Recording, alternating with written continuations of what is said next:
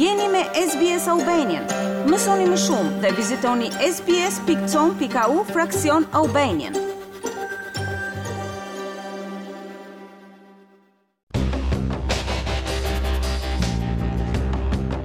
Kriminelët kibernetik kanë publikuar të dhëna konfidenciale shëndetësore të disa klientëve të Medibank dhe kërkojnë shpërblim nga kompania private e siguracionit shëndetësor. Më shumë informacion pritet të dalë gjatë ditëve në vijim. Në orët e para të së mërkurës, një postim u shfaq në rrjetin e errët që përmbante informacione konfidenciale shëndetësore të një numri të vogël klientësh të Medibank. Ky është zhvillimi më i fundit i këtij shantazhi kriminal që ka nisur prej disa javësh. Postimi u kritikua nga ministrja e Sigurisë Kibernetike Clare O'Neil si një veprim i neveritshëm. I cannot articulate the disgust I have for the scumbags who are at the heart of this criminal act. Nuk mund ta shpreh me fjalë neverinë që kam për kriminelët që kanë kryer këtë akt të poshtër.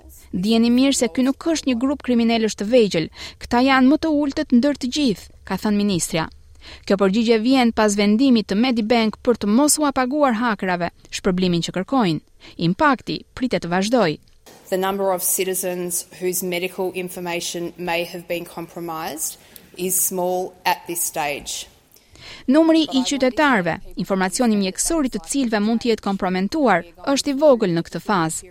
Por, unë dua që populli australian të kuptojë që ka gjasa të ndryshojë. dhe se po kalojmë një periudhë të vështirë që mund të zgjasë me javë, ndoshta muaj, jo thjesht ditë dhe orë. Ekspertët e sigurisë kibernetike zbuluan se të dhënat për qytetarët ishin grupuar në një listë të quajtur lista e mirë dhe në një listë që quhej lista e keqe, si dhe në një listë të tretë që quhej studentët. Detajet e ekspozuara kanë përfshirë numrat e klientëve, numrat e tyre të Medicare, emrat dhe adresat, si dhe numrat e telefonit dhe disa të dhëna shëndetësore. Kjo mund të përfshijë diagnozat e HIV, varësinë nga droga dhe alkooli, siç shpjegon doktoreshë Suelette Dreyfus. For example, the kind of thing that um, an attacker might do if they can figure out what the medical codes are in the files they could search for uh, all of the patients who were hiv positive Për shembull, një hacker mund të zbulojë nëpërmjet dosjeve mjekësore të gjithë pacientët që janë HIV pozitivë. Këtë mund ta bëjë lehtë përmes diagnozës ose përmes recetës farmaceutike që është në dosjen e pacientit, dhe pastaj këtë të dhënë mund ta publikojë. Pra pasojat për pacientët janë shumë serioze. Ata mund të rrezikohen t'u zbulohet sekreti shëndetësor në punë dhe në vende të tjera, Pasojat personale janë pra serioze. Medibank ka lëshuar një deklaratë ku konfirmoi këto dosje ishin verifikuar më parë si të vjedhura. Kompania pret që më shumë informacion konfidencial të publikohet në rrjetin e errët. Shefi ekzekutiv i kompanisë David Koczkar kërkoi falje pa rezerva. Ai tha se ky ishte një akt kriminal i krijuar për të dëmtuar klientët e Medibank dhe për të shkaktuar shqetësim. Troy Hunt është një ekspert i sigurisë kibernetike. i cili drejton websajtin Have I Been Pwned, i cili u lejon përdoruesve të shqyrtojnë nëse të dhënat e tyre janë komprometuar. Kjo lëvizje e fundit për të nuk është befasuese. It's alarming. It's it's alarming to see this much information, particularly this much sensitive information out there. It's also rather predictable given Është alarmante të shohësh kaq shumë informacion, veçanërisht këtë informacion shumë të ndjeshëm, por është gjithashtu dhe mjaft e parashikueshme duke qenë se kriminelët janë pjesë e një ekipi që kërkon shpërblim, dhe që është i njohur për ekspozimin e të dhënave publike nëse shpërblesa nuk paguhet. Autoritetet kanë frikë se numri aktualisht i vogël i klientëve të ekspozuar mund të rritet. Mbi 9 milion klientë u janë aksesuar të dhënat konfidenciale nga hakerat, duke përfshirë ata në nivele të larta të qeverisë, si ministri O'Neil dhe kryeministri Anthony Albanese. This is really tough for people. I'm I'm a Medibank private customer as well. Kjo është vërtet e vështirë për njerëzit.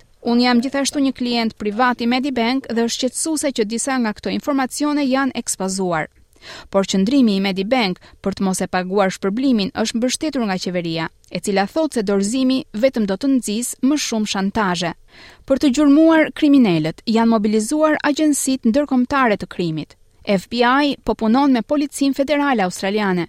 Policia Federale Australiane do të monitorojë identifikimin e vjedhjeve të mundshme për klientët e ekspozuar të Medibank përmes operacionit Guardian, i cili fillimisht u krijua për të ndihmuar klientët e Optusit, të dhënat e të cilëve u ekspozuan nga kriminelët kibernetikë. Justine Gough, ndihmës komisionerja e Komandës Kibernetike të Policisë Federale, thotë se agjencia është e shqetësuar për rritjen e mashtrimit dhe shantazhit. We urge anybody who is contacted by telephone, by sms, um, by email uh, with the threat to release their personal information unless a sum of money is paid to report immediately.